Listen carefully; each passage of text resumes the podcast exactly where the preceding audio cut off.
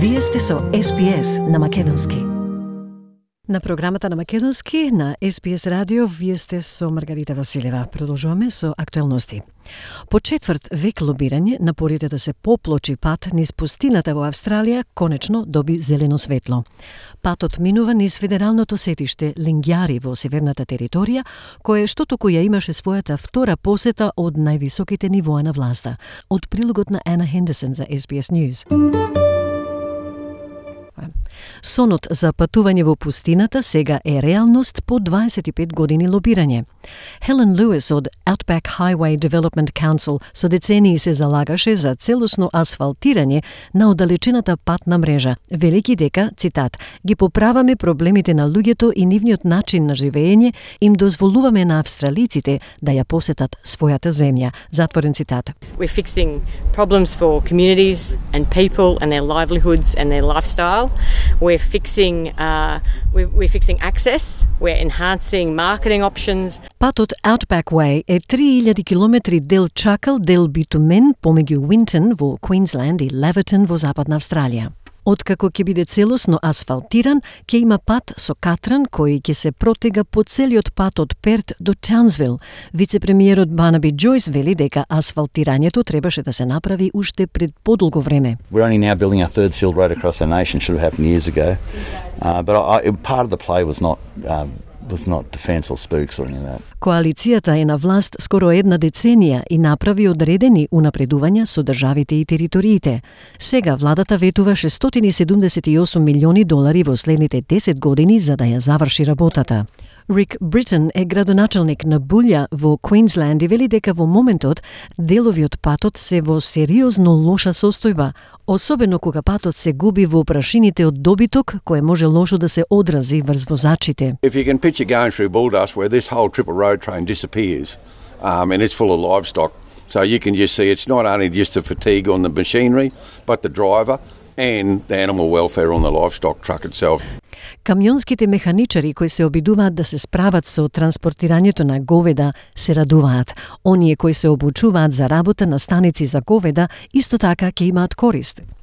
Како млада домородна жена, и Шерис Петерсон се надева дека еден ден самата ќе управува со станица за говеда. As a young Indigenous woman, I think it's important for the younger generation to um, have eyes open and just see that there are other opportunities like the NTCA provides. Хелен Луис вели дека парите не се само ветени, туку сега се запишани во федералниот буџет.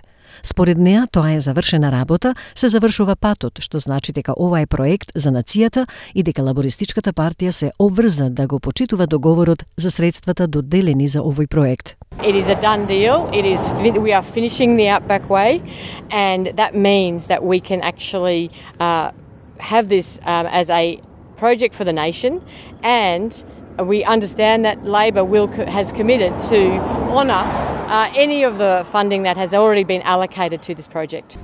Градоначалникот на Уинтоншајр, Гавин Баскет, вели дека тоа е исто така билет за побезбедно туристичко возење. To have this road sealed, this just creates the security that anybody from anywhere can travel in any vehicle from Winton through to Laverton via Booyah, Alice Springs, Ayers Rock. It's just phenomenal. Овој наплив на готовина доаѓа откако лабористите ветија повеќе финансирање за оделечените патишта на северната територија минатиот викенд.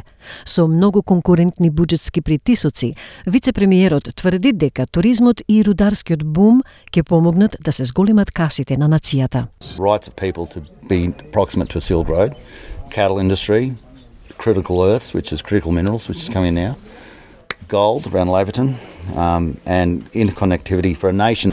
Во изминативе две недели федералната влада беше многу критична кон Кина и активностите на Пекинг. Во исто време, кинескиот туристички пазар од секогаш бил сериозен придонесувач за локалната економија. Вице-премиерот Банаби Джойс вели дека не мисли дека туристите од комунистичката нација ќе бидат спречени. No, I don't think that's the case. I, you know, I, I'm never bellicose, you know, never being intemperate, but I just want to make sure with all my colleagues in Canberra on both sides of the aisle that um, you know, we will stand up for our rights. Анкетите покажуваат дека федералните избори ќе бидат тесен надпревар оваа година. Тоа значи дека масивниот електорат на северната територија на Лингјари привлекува политичко внимание. Ја држат лабористите, но долгогодишниот локален член Уорен Сноден заминува во пензија. Вице-премиерот вели дека надпреварот за тоа кој ќе ја преземе власта може да се сведе на едно седиште. Yeah, could be. Um, it's serious. I mean, you know, I think that's a fair, fair call. I think it's really important. And remember, I went before I threatened to cross the floor if they made this one seat because remember they were trying to make this one seat, and they said, "No, we're not going to do that."